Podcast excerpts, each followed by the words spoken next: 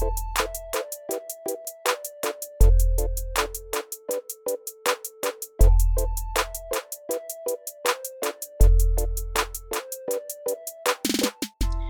halo semuanya. Selamat datang di Sekantong Cerita bersama saya Fauzan.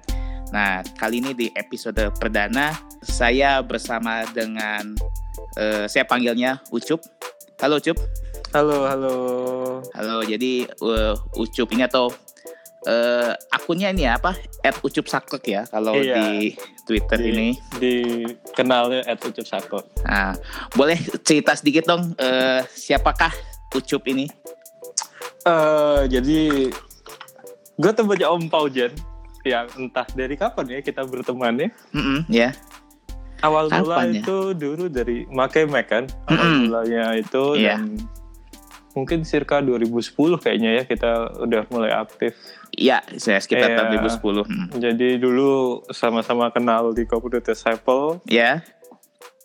Ya waktu itu memang Apple tidak seramai zaman sekarang ya kayaknya masih dikit juga mm-hmm. komunitasnya usernya.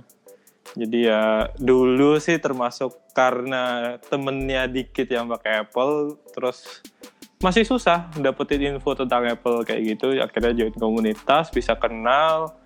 Ya terus berlanjut sampai sekarang. Cuman sekarang kayaknya udah jarang sih ngikutin yang kayak gitu. Maksudnya ngikutin secara aktif ngebahas yeah. kayak gitu. Ya yeah. karena sekarang juga udah aktif kerja.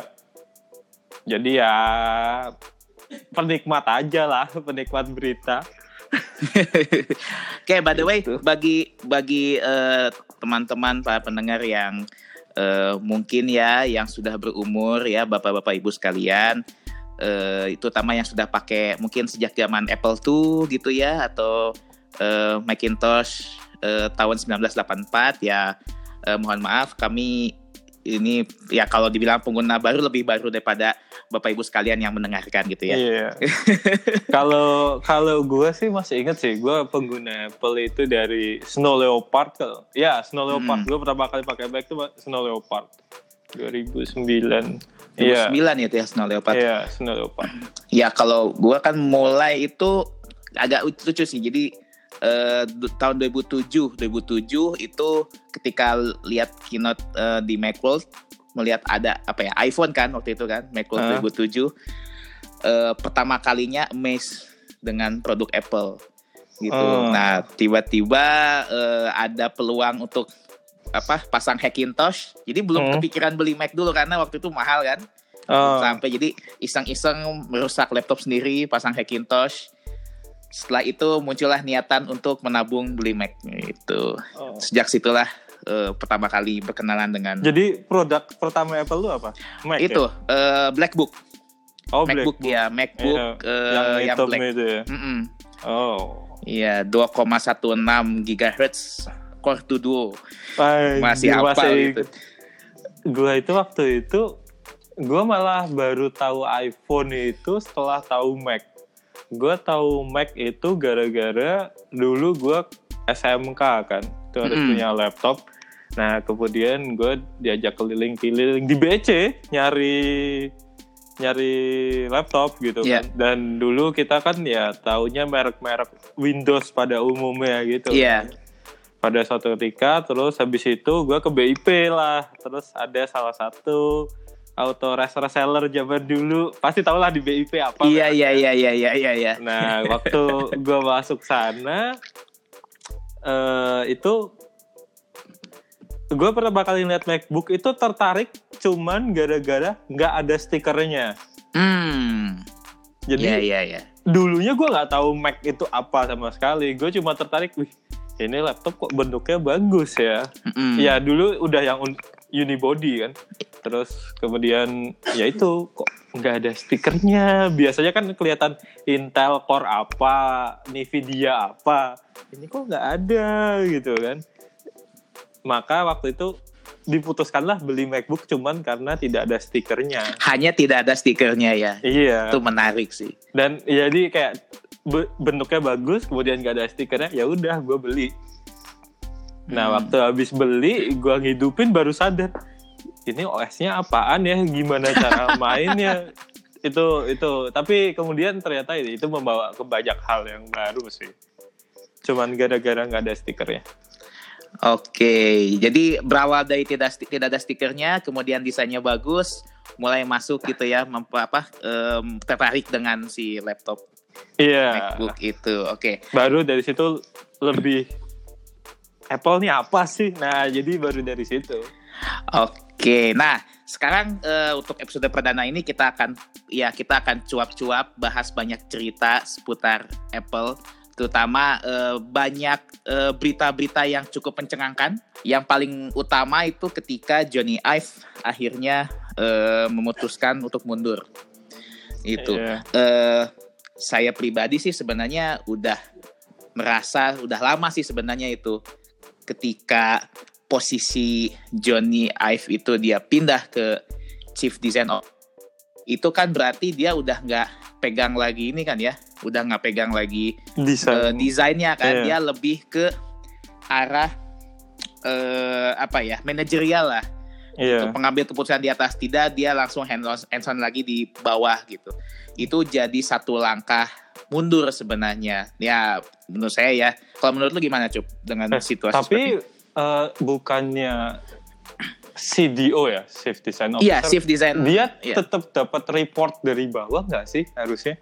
Harusnya tetap dapat. Cuman kan dia uh, kalau yang namanya seniman lah ya, desainer tuh kalau nggak dia hands on tuh beda gitu. Kalau ini kan chief gitu. Iya, iya. In my opinion ya, in my opinion itu dia lebih ke pengambil keputusan teratas. Uh. tidak ngoprek uh, gitulah.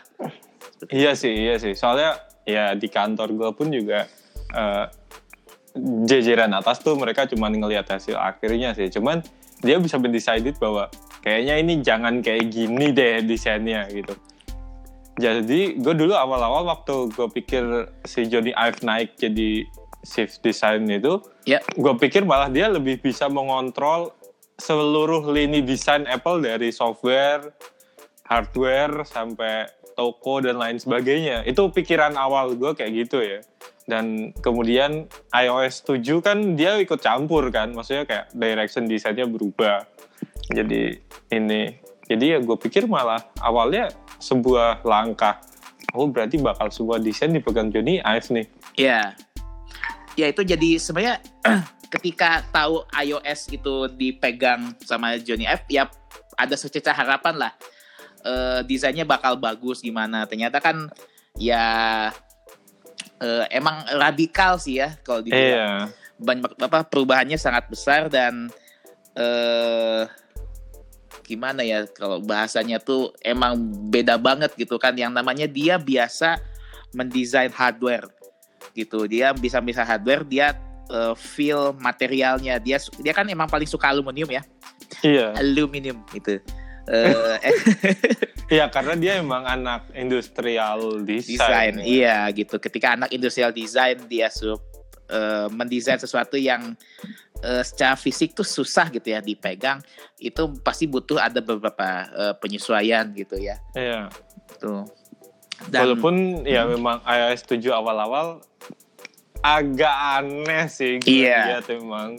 Cuman ya ya ke sini ke sini juga udah makin bagus sih sebenarnya iya makin sini makin sempurna lagi sih menurut yeah. spek sini walaupun ya sampai uh, ada beberapa uh, brand dari OS sebelah ya kita sebut aja lah Android itu uh, dia mengadopsi style dari uh, i apa iOS 7 ke atas itu ya. Yeah. Di mana salah satu kunci kunci utamanya kan clarity. Yeah. Yang gue inget tuh clarity di mana uh, eh sorry clarity dan konteks.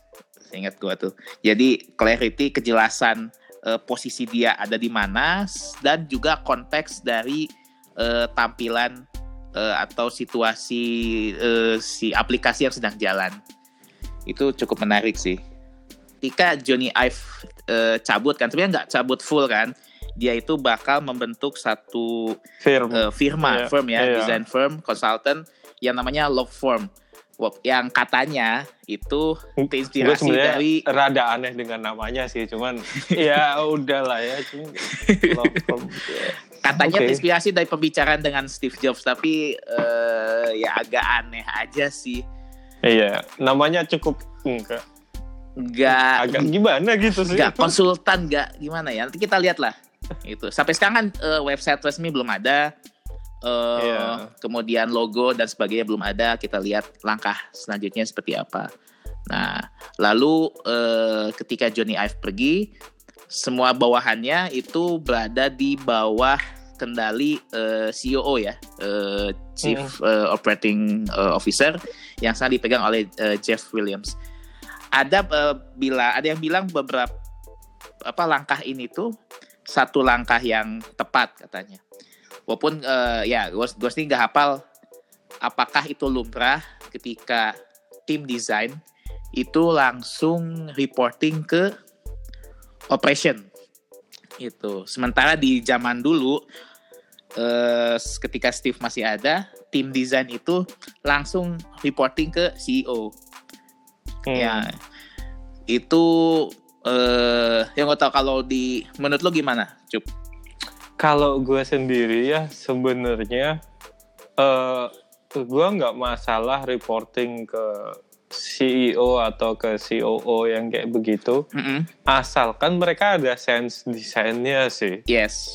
The problem is kayak gue ngerasa eh, tim Cook ini kayaknya sense of desainnya rada-rada aneh. Ya kita ngeliat beberapa produk akhir-akhir ini yang cukup ya sebut aja Magic Mouse 2 Yeah. lah atau iPad 1 eh apa pen- Apple Pencil 1 yang cara Yeah. ngecasnya weird banget. Mm-mm. Itu kan berarti masih zamannya ke CEO kan. Iya. Dan that happen gitu kayak aduh kok gini. Bahkan kayak ya kita yang ngikutin Apple dari 2009 dan itu ngelihat kayak kok Apple ngeluarin macem ini ya. Iya. Kayak kayak nggak nggak biasanya dia melakukan hal semacam ini gitu. Nah sekarang mereka reportnya ke CEO yang kita belum tahu CEO ini da- sejak dari produk mana dia udah mulai aktif. Iya. Nah, gue curiganya sih kayaknya iPhone yang baru ini udah ke COO sih. iPhone berarti iPhone 11 ya yang Iya, rilis. iPhone 11 ini sih, gue pikir sih, menurut gue kayaknya udah masuk si OO ya, karena gue yakin pasti Johnny Ive mundur udah dari beberapa waktu ya, pasti kan ada resign time yang kayak begitulah. Iya. Ya, dan kayaknya sih mungkin ini udah mulai sedikit di handover dan gue melihat sedikit bocorannya yang entah itu benar atau enggak kok rada aneh sih memang. Iya, dan ini eh, baru saja ada apa kabar bahwa ternyata desain eh, iPhone yang 11 ini mungkin bagi eh, pendengar yang tidak mengikuti apa ya eh, pengembangan berita Apple bahwa iPhone selanjutnya dia akan memiliki sebuah eh, kamera bump, jadi bentuk kamera belakangnya itu kotak. Dan itu mirip seperti di eh, Huawei Mate 20 ya. Iya, Iya, iya. Huawei berarti. Mate 20 itu dia kotak dan dia ada tiga lensa, lalu ada satu lubang mikrofon plus eh, LED, Flash. Sama Iya. flash LED. Nah dan eh, ternyata seperti biasa, seperti tahun-tahun lalu ada yang sudah pre-order casingnya. Gitu jadi satu ke, eh, case manufacturer yang dia sudah mulai pre-order casing untuk iPhone 11 Hmm. dan bentuknya adalah si kotak itu. Iya.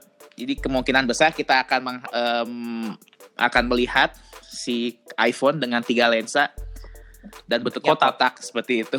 Soalnya eh gua tahun kemarin waktu zaman iPhone 10 itu Mm-mm. gue termasuk yang merasa cukup aneh dengan kameranya.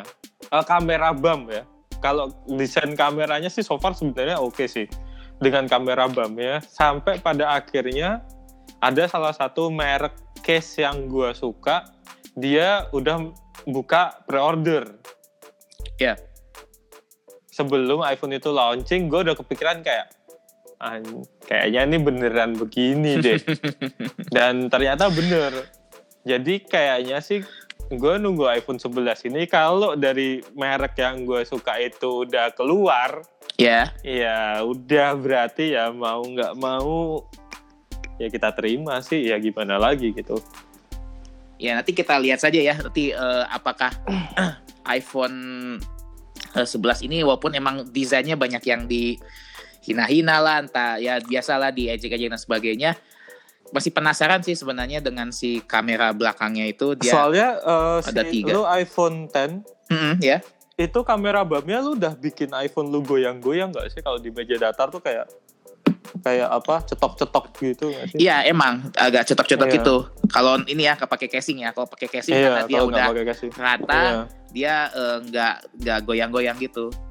Dan gue sempat nulis sih, gue sempat kepikiran kenapa ini harus di rotate kayak iPhone 7 kan dia horizontal gitu Iya. kan. Kenapa iPhone 10 ini vertikal itu eh, ternyata yang gue temuin karena kalau lu horizontal itu tab komponen di dalamnya tabrakan dengan komponen true depth. Ah, I Eh, see. jadi lu coba lihat dari atas deh. Iya. Eh, bam kameranya itu dia sedikit lurus dengan jarak notch-nya iPhone. ah iya bener juga. Nah, jadi eh, kenapa dia akhirnya dibikin vertikal? Karena space yang horizontalnya itu kepake sama true depth. True depth, yep. Jadi, oh akhirnya gue kayak paham, oh kenapa mereka berubah jadi vertikal. Mm. Tapi kalau lu ngeliat yang kotak ini, dia kan nabrak ke sebelah. Nah itu gue nggak ngerti sih kenapa. Ah, apakah ada perubahan dengan notch-nya? Iya, apakah bakal ada perubahan dengan notch-nya? Hmm, itu itu belum kayak nggak tahu ya. Apakah udah pernah dibahas juga di beberapa website kayaknya? Tapi gue baru dengar malah analisis sampai ke situ. Ketika eh, dia bentuknya kotak, ya pasti dia akan nabrak ke modul si Iya, itunya. soalnya Sensornya. modul yang paling deket kamera bumnya itu adalah kamera depan. Yes. Buka- kalau true depth kan yang lebih ke sana lagi kan. Iya. Nah itu antara mungkin notch-nya diperkecil atau memang Apple udah berhasil bikin true depth dan satu set modul depan itu lebih tipis lagi. Atau iPhone-nya lebih tebal. Nah atau itu. iPhone-nya lebih tebal dengan eh, kamera bump yang lumayan agak tebal juga, lebih Iya itu Hmm. bulky banget. Gue yakin tuh pasti goyangnya parah sih kalau lu gak pakai casing. pasti pasti mau ngomong harus pakai casing. Sebenarnya karena eh, iPhone sendiri ya dia udah eh, metal ya aluminium plus Iya. eh, gela- kaca itu udah harus di casingin lah. Apalagi Iya. orang-orang jorok gitu yang ya seperti kita kita gini. Eh, iya.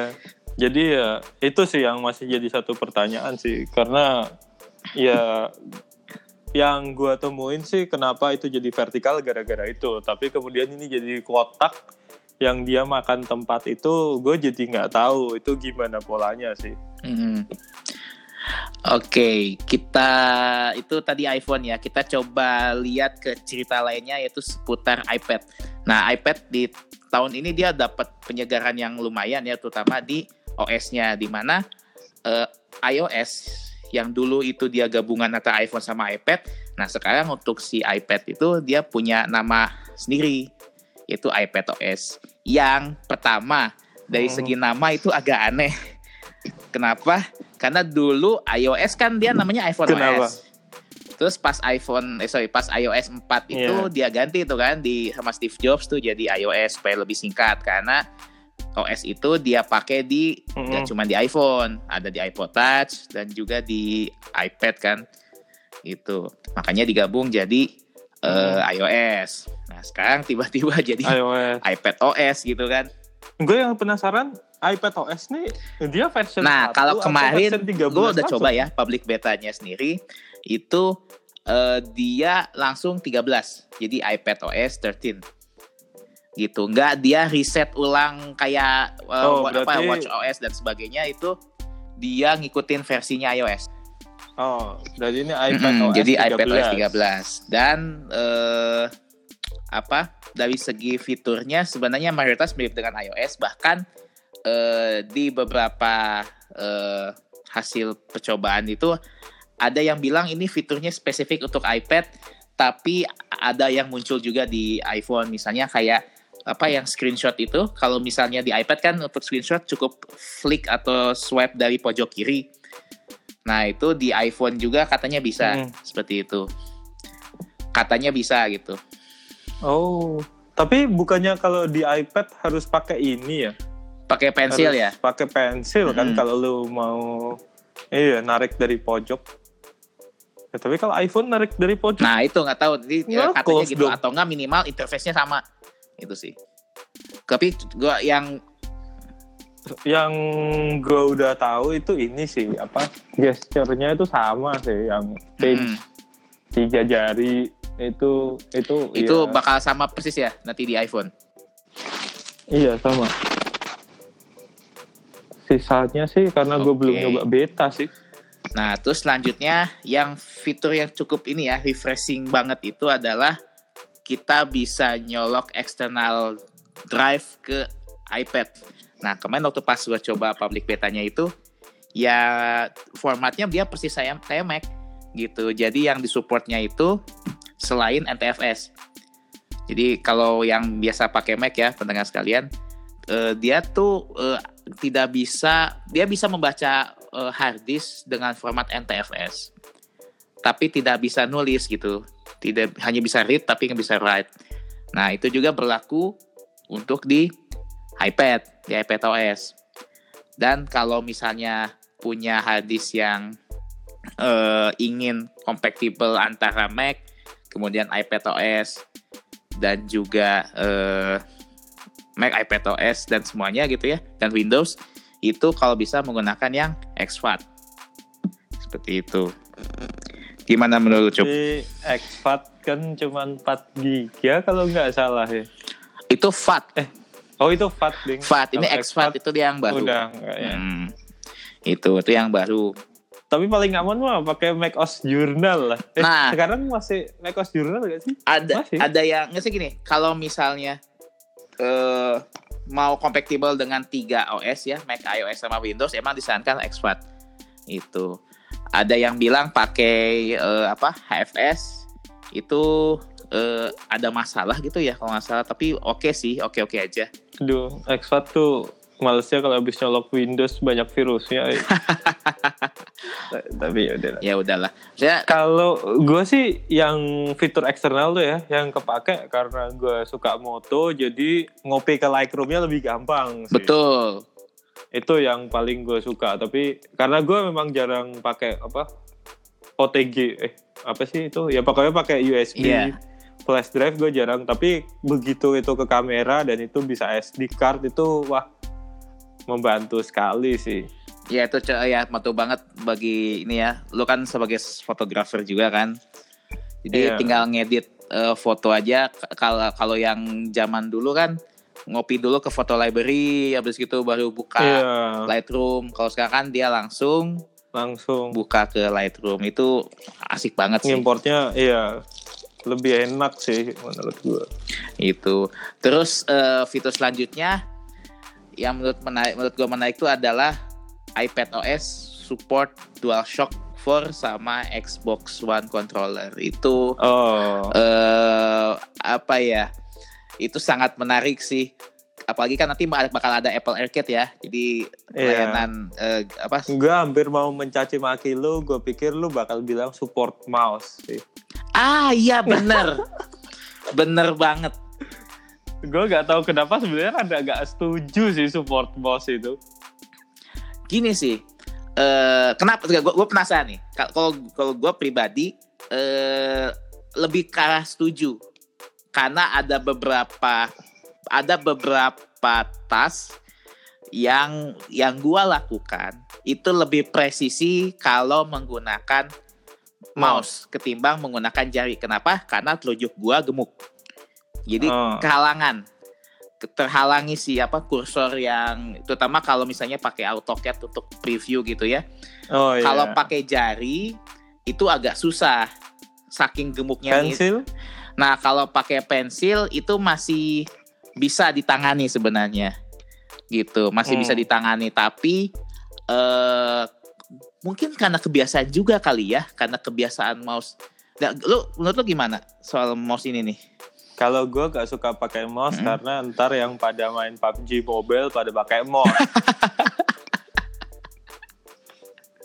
Tapi eh, jadi gini, kalau gue sebenarnya rada kebingungan dengan maunya Apple sih sebenarnya. Iya. DC iPad OS ini kayak mau nge-replace laptop Yep. atau nge-replace PC. Ya pokoknya itulah whatever it is. Hmm. eh dia melanggar salah satu aturan yang Steve Jobs bilang dan itu yang gue rasain sih sebenarnya. Hmm. Ketika lu pakai keyboard eksternal ya, Yes. lu nggak bisa touch screen. Iya. Itu suatu metode yang aneh. Jadi lu pakai keyboard terus kemudian lu tangan lu ke layar gitu tuh gue masih merasa aneh. Yes. gitu. Terus ya paling enak sebenarnya pakai mouse. Tapi ketika lu pakai mouse, lu melanggar eh, sebenarnya nggak nggak nggak ada rules pasti sih. Tapi kayak itu jadi nggak tablet gitu. Gak tablet seperti yang diharapkan sama Steve kan? Iya, jadi kayak jadi ini kayak lu mau ke mana gitu loh?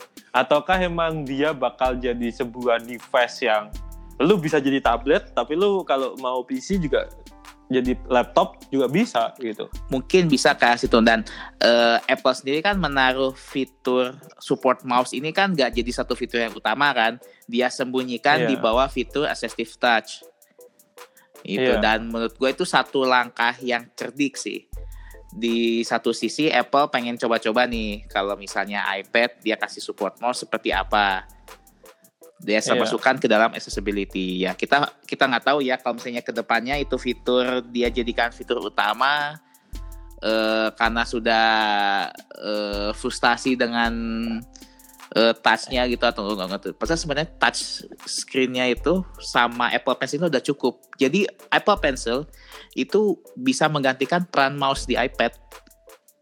Iya.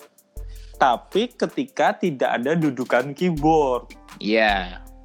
Mm, begitu begitu lu di posisi laptop, Apple Pencil lu jadi aneh fungsinya. betul, betul.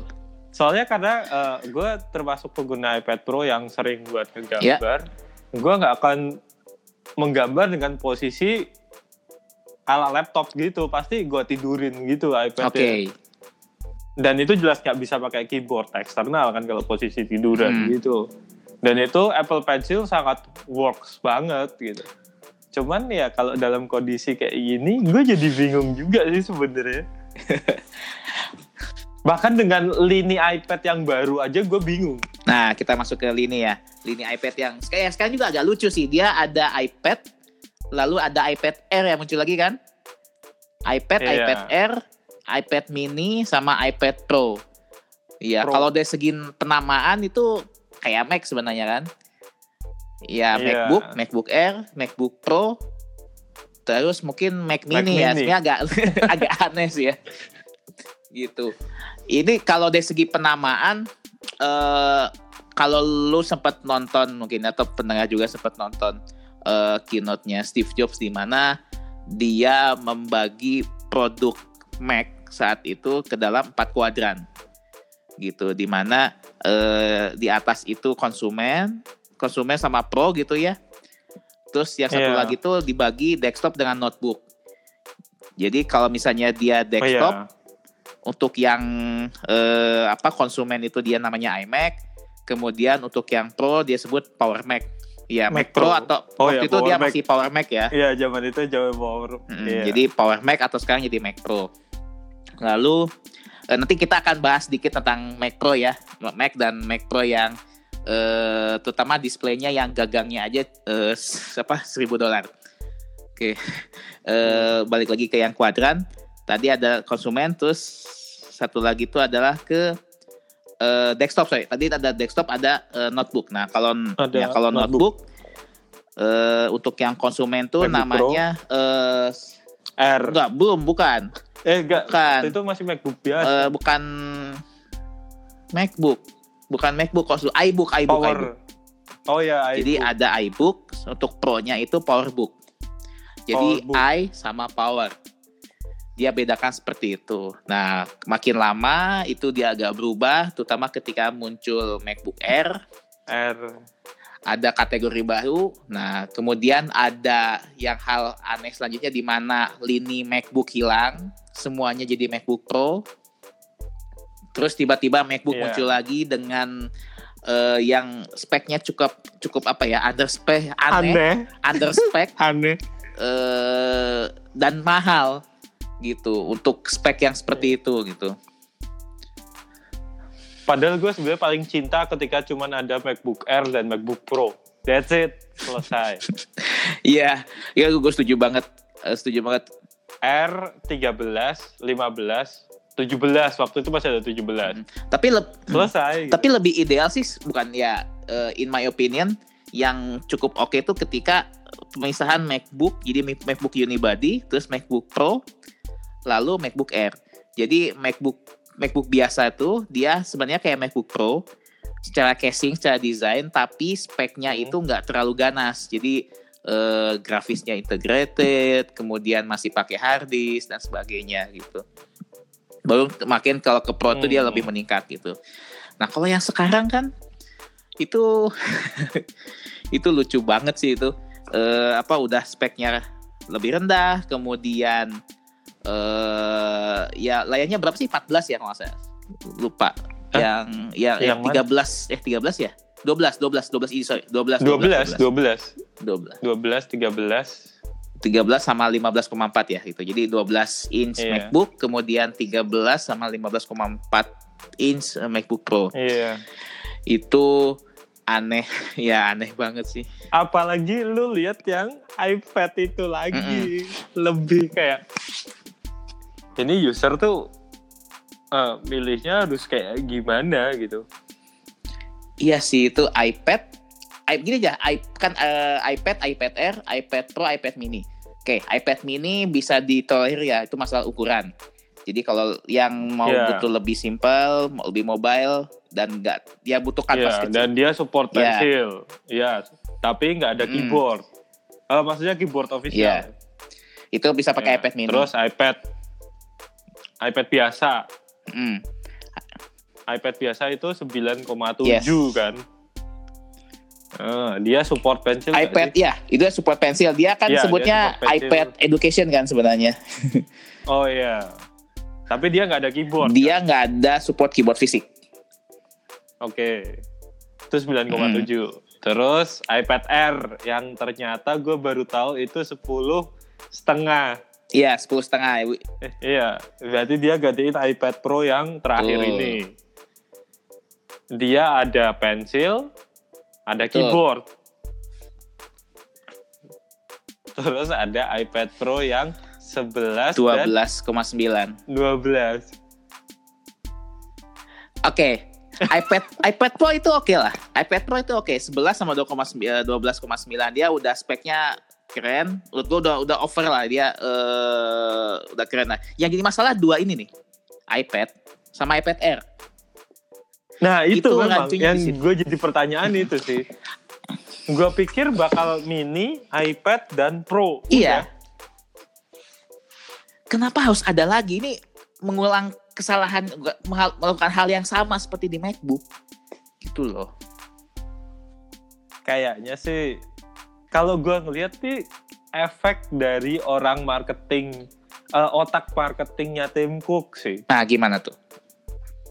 Jadi kayak kalau kalau gue ngeliat ya perbedaan dulu ketika Steve Jobs adalah nih Apple punya A, ya lu mau nggak mau beli A atau B gitu. Ya.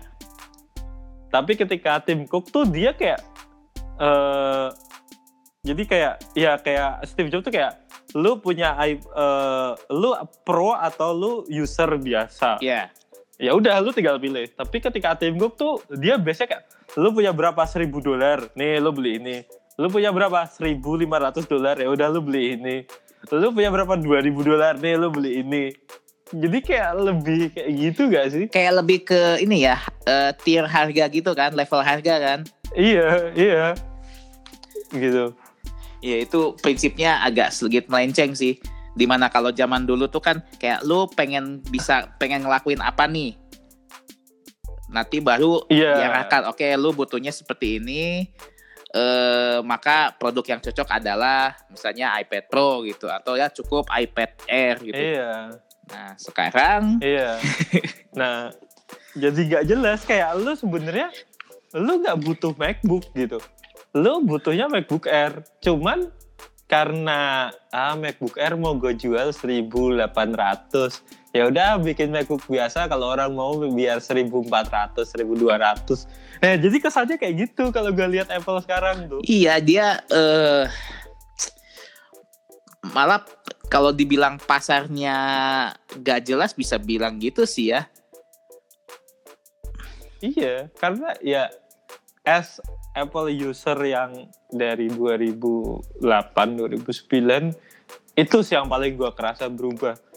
Termasuk semenjak zaman iPhone 5C dan sekarang Ya, terulang 10R. di 10R. Itu gua ngerasa kayak eh ini salah satu kesombongan Apple yang gue suka adalah nih gue punya iPhone mahal lu mau beli nggak kalau sekarang tuh kesannya lu kalau nggak mampu tenar Mm-mm. ya udah nih tenar aja nih biar lu tetap Iya. pakai iPhone nah itu sebenarnya gue kayak agak sukanya tuh Apple nggak yang kayak begitu yang gue kenal dulu kayak ya ini gue punya iPhone 10 ya lu mau nggak mau beli ini gitu Iya, iya dan itu kan sebenarnya langkah Apple mau coba masuk ke level harga lagi-lagi ya, main ke level harga kan ya. Iya, jadi sekarang emang udah bukan pro dengan konsumer biasa, bukan ini dengan ini kayak gitu. Ya itu agak kacau banget sih bahkan sampai 10R di diskon besar-besaran demi menyentuh level tertentu itu udah salah banget sih. Dan eh iPh- beda kalau gue lihat ya kalau misalnya Mac sama iPad itu dia main ke tier harga. Sementara untuk iPhone ya gue bisa bilang sih iPhone sama Apple Watch itu dia pendekatannya mirip. Di mana eh, tidak hanya tier harga tapi masuk ke eh, ini looks tampilan gitu. Kalau lo perhatikan kan kalau di iPhone 10s eh, itu dia pakai stainless kan, dia pakai stainless steel dan glass. Sementara kalau di Glass. iPhone 10R dia menggunakan eh, aluminium sama glass. Dan itu berlaku juga dengan Apple Watch dan eh, Apple Watch yang sport ya, masih masih namanya sport kan ya? Iya, sport. Ya sport, sama, Sport sama aluminium, itu aluminium. sama persis eh, pembedaan. Jadi dia permainan dari segi material yang menunjukkan kelas kelas lu di mana Iya. gitu. Kalau misalnya pakai Apple Watch yang ininya stainless mengkilap itu oh harganya lebih mahal lo berarti kelasnya lebih tinggi gitu. Itu sama halnya dengan yang di 10R sama di 10S yang gua lihat gitu. Selain juga permainan Iya, harga gitu. Harga. Itu. Lalu kalau soal warna eh menurut lo gimana tuh 10R dia warna-warni kayak 5C gitu? Gue nggak suka sih. Truly, eh gue suka iMac power apa colorful yang pertama itu. Tapi gue mulai nggak suka ketika 5C Mm-mm. dan 10R karena gue tetap menganggap bahwa iPhone ini adalah produk eh, the best product Yeah. from Apple. Dan they don't need to sell it cheaper atau gimana lah gitu. Karena orang pasti beli menurut gue ya orang pasti tetap akan beli gitu. Ya memang. Dan eh ya gue pernah nanya sama orang salah satu reseller lokal. Dan eh, produk Apple seberapa mahalnya pun gitu ya mau iPhone mau iPad mau Apple Watch itu akan langsung sold out gitu iya Tapi gue juga punya firasat eh, ya kalau eh, apa firasat baiknya sih emang Indonesia orang Indonesia sekarang udah pada makmur semua ya. Gitu. udah makmur semua ya, udah tajir tajir semua ya. Ya kita patut bersyukur lah gitu atau mungkin resellernya emang nyetoknya dikit gitu kan kita nggak tahu ya itu ada dua kemungkinan Oh, iya, iya. itu tapi itu pertanda yang baik sih eh, ketika produk semahal itu itu pun eh, masih diserbu gitu ya Iya. Cuman ya gue memang menimbang kayak dari sisi Apple-nya nih eh, mereka direction yang baru tuh bakal kayak gimana gitu dengan produk-produknya.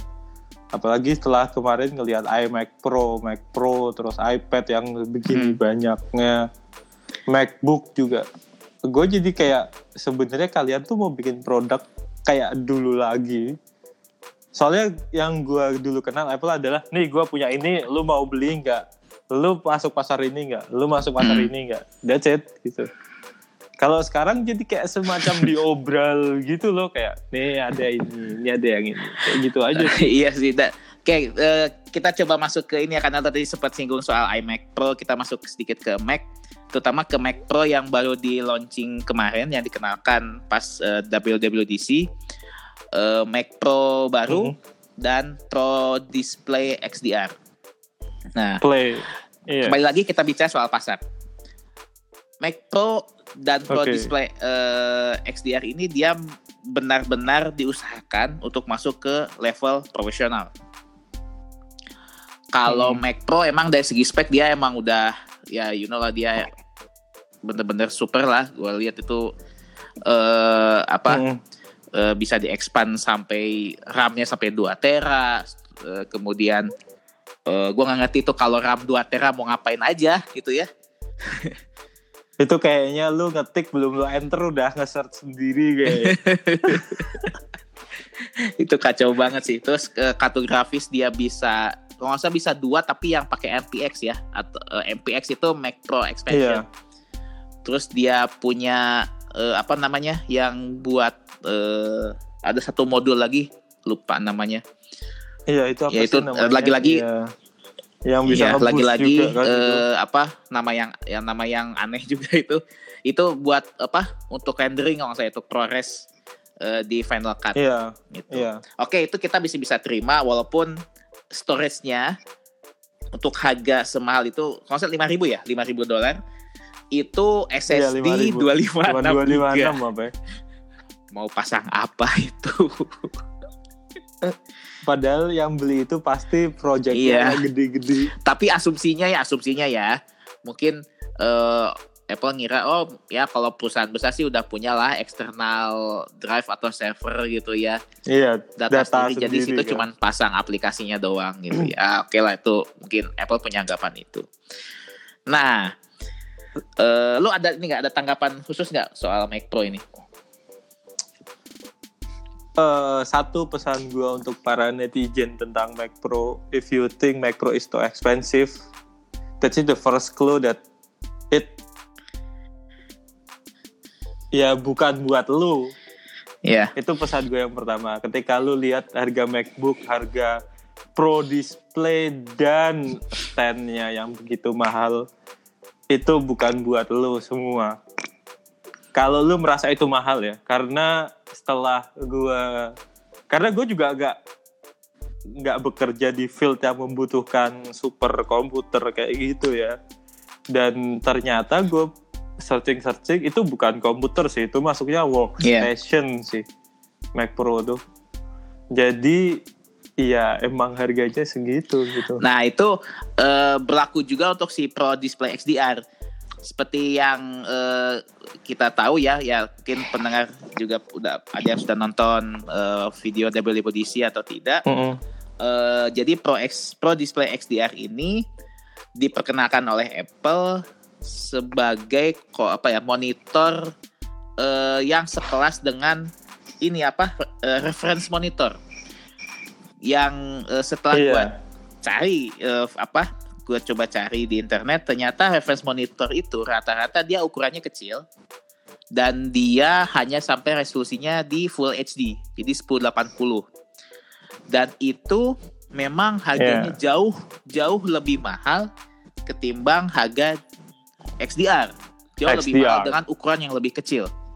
Dan dan dia memang si reference monitor ini dijual terpisah dengan standnya gitu. Dan Iya. well, ya banyak orang mencaci maki karena menyamakan kenapa ini monitor mahal sementara standnya 1000 dolar sendiri gitu ya. Karena lo bukan di pasarnya gitu. Kalian eh, apa kita kita netizen itu yang mencaci maki itu bukan di apa ya bukan masuk di pasarnya. Anda bukan konsumennya gitu. Dan Hmm, Eh, soalnya ada beberapa temen gue yang dia punya memang jasa rendering Iya. or something like that. Mereka Ah, udah berencana Itu- beli memang. Tanpa komplain apa pun kayak, oh iya Mac Pro kayak gini gue beli. Iya iya iya. Jadi kayak termasuk XDR Ya. setelah lu amat-amatin ya, itu pertama kan tadi lu bilang eh, Iya. size-nya kecil. Itu dia 34 Ya inci sekitaran X32 situ lah ya. inch XDR. Iya. Itu gede banget. Yes. Itu gede loh ya. Untuk ukuran dia 6K dan lu harus tahu itu kayaknya metal plus itu banyak apa ya Iya. pendingin di belakangnya sih. Karena ya lu tahu itu pasti panas Pastilah. banget. Dan lu jangan beranggapan itu bahwa akan kayak monitor 32 atau Yes. 34 inci pada umumnya. Gue yakin itu gede dan berat banget sih. Pasti. dan itu butuh kayak stand khusus yang di mana si Apple stand itu dia bisa ngerotate layar seberat Dengan ya. mekanisme khusus itu kan kalau gue lihat itu. Iya, iya, dia bisa ngerotate itu dan ya itu layar berat gitu. Dia bisa ngerotate dan dia kayak cuman simple tanpa ada kayak bantuan apa sih? Kayak ada penyangganya gitu kan dia, dia bener-bener kayak T Iya, dia L L. dibalik gitu kan. Iya. Dan gue baca-baca dia ternyata di bagian yang nyolok apa eh, tangkai ke layarnya itu dia pakai mekanismenya iMac Oh Sunflower. iya iya. Iya, ingat, lu ingat, masih ingat ingat ya iMac Sunflower. Nah, itu dia di dalamnya itu pakai Ah. iMac Sunflower. Yang bagian nembak dari Ke layarnya. gagangnya ke layarnya itu kan ada. Nah, itu ternyata pakai iMac Sunflower. Menarik, menarik, menarik. Itu salah satu iMac paling lucu ya pernah gue lihat.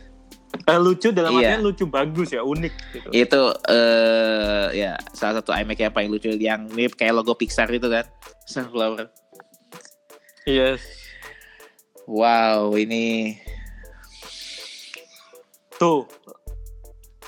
Beratnya XDR itu 7 kilo Monitornya doang ya? monitornya doang. 7,48 kilo. 7,48. 4 kilo. Lu kayak beli beras hampir dua sak yang di Indomaret itu. Ya pantas lah. Eh dan Apple kan dia sistemnya itu kan simple banget kan, letter L tok gitu dan menahan Iya. monitor yang seberat itu. Dan itu perlu satu mekanisme Iya. fisis yang lumayan. Iya. Dan menurut gua Apple nggak terlalu maruk dengan memisahkan itu sih. Jadi kayak ya mungkin monitor yang lain si pro pro user ini udah punya screennya kan. Terus eh udah punya standnya terus kayak ya Ya, udah gue beli monitornya aja gitu. Atau mungkin juga yang membuka peluang tukang stand atau manufaktur stand lain ya lainnya untuk eh, membuat betul. Membuat Tapi gua nggak yakin gitu sih kan. bakal menghasilkan satu kualitas yang sama seperti yang Apple buat sih. Ya mirip bisa, tapi nggak misalnya entah itu dia nggak halus ketika rotate-nya atau ketika dia tilt ngetilt eh, si Iya. monitornya itu. Nah sekarang kita masuk ke macOS ya. Jadi kemarin di WWDC 2019 eh, Apple kenalkan macOS Catalina dan salah satu yang menarik itu adalah eh, mereka sebutnya Project Catalyst. Sebelumnya sebenarnya udah ada di eh, apa di macOS sebelumnya dia sebut namanya tuh eh, apa Project Marzipan itu codename di baliknya. Jadi si developer itu bisa uh, buat aplikasi iPad-nya. Jadi kalau dia udah pernah develop atau mengembangkan aplikasi iPad itu bisa dibuild untuk Mac. Dan uh, kalau dilihat dari beberapa uh, hasilnya yang diposting sama ini ya sama developer di Twitter itu hasilnya menarik-menarik sih. Dan eh, memang kelihatannya hybrid tapi dia kalau gue bilang sih cukup bersahabat untuk mouse karena dia kayak menyediakan uh, apa eh, UI UI yang untuk untuk mouse gitu dan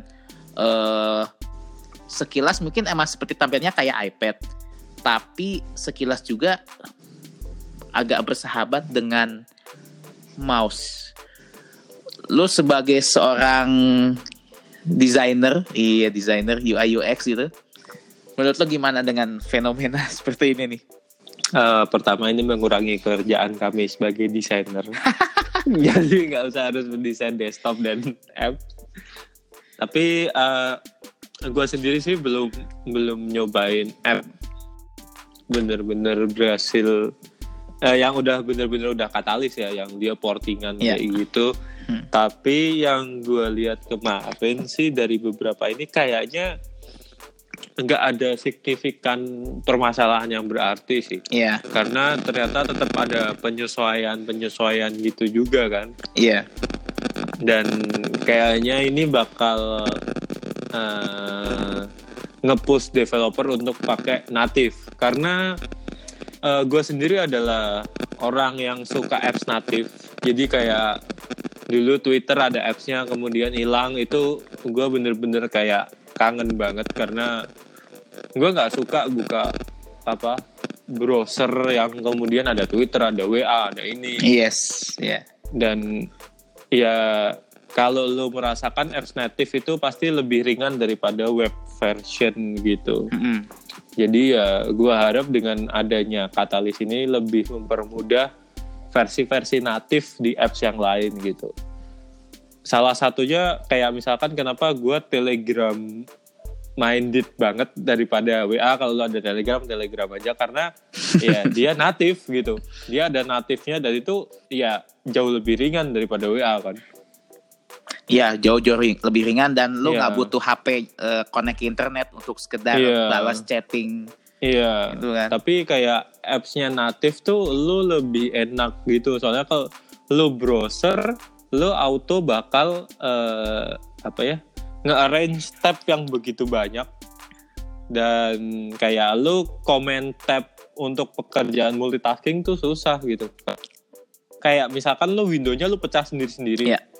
Lu komen tab Chrome tuh ya pasti ke semua Google Chrome yeah. gitu iya. loh padahal lu buka tabnya beda nah jadi kayak gue pikir kreatif itu memang memberikan harapan baru sih. Gue justru tertarik dengan ini sih. Perkembangan Mac OS ini bagus gitu. Iya. Terus kalau seputar ini pemisahan iTunes jadi tiga aplikasi itu menurut lo gimana itu? Uh, gue sudah lama selingkuh dari iTunes sih. Pakai Spotify. iya semenjak semenjak iOS juga udah nggak butuh iTunes buat buat ya scenes buat yang apps kayak gitu dan semenjak koneksi internet membaik kita sudah nggak perlu apps dari iTunes lagi itu gue kayak udah jarang buka iTunes dan kayaknya musik yang bener-bener musik doang itu bisa lebih mengeksplor experience masing-masing. Iya. Yeah. Ini kalau dari sudut pandang gue desainer ya, kayak lu ketika Apple TV ya lu ketika buka apps-nya lu akan bener-bener ngerasain experience TV itu kayak gimana yeah. gitu.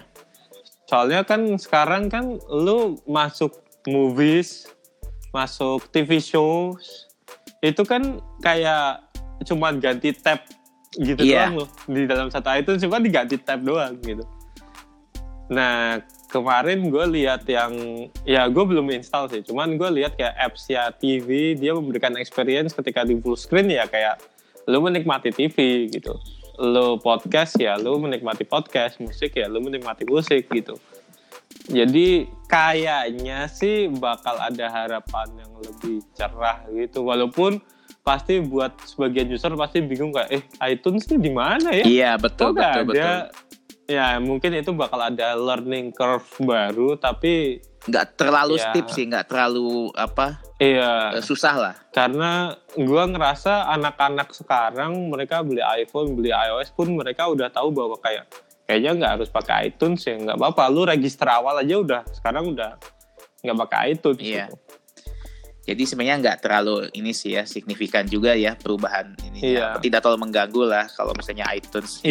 hilang. gitu. justru malah kayaknya sih bakal memberikan experience yang lebih Hmm. bagus kayaknya Nah satu lagi deh satu lagi eh, yang dari macOS Catalina itu adalah Sidecar, di mana eh, fitur Sidecar ini membuat iPad lu sebagai secondary display dan menurut gua itu sangat sangat membantu banget sih. Jadi eh, gua punya satu buah secondary display yang bisa dibawa ke mana aja. Jadi ketika gua butuh, gue langsung bisa pasang nih Mac terus MacBook gua tuh sampingnya si eh, iPad gua gitu gitu untuk ngerjain bahkan eh, dia itu bisa munculin satu bar ini eh, icon-icon touch bar gitu. Jadi kalau misalnya MacBooknya masih MacBook lama, kemudian dia pasang eh, iPad untuk sidecar, langsung muncul tuh icon-icon si eh, touch bar-nya itu.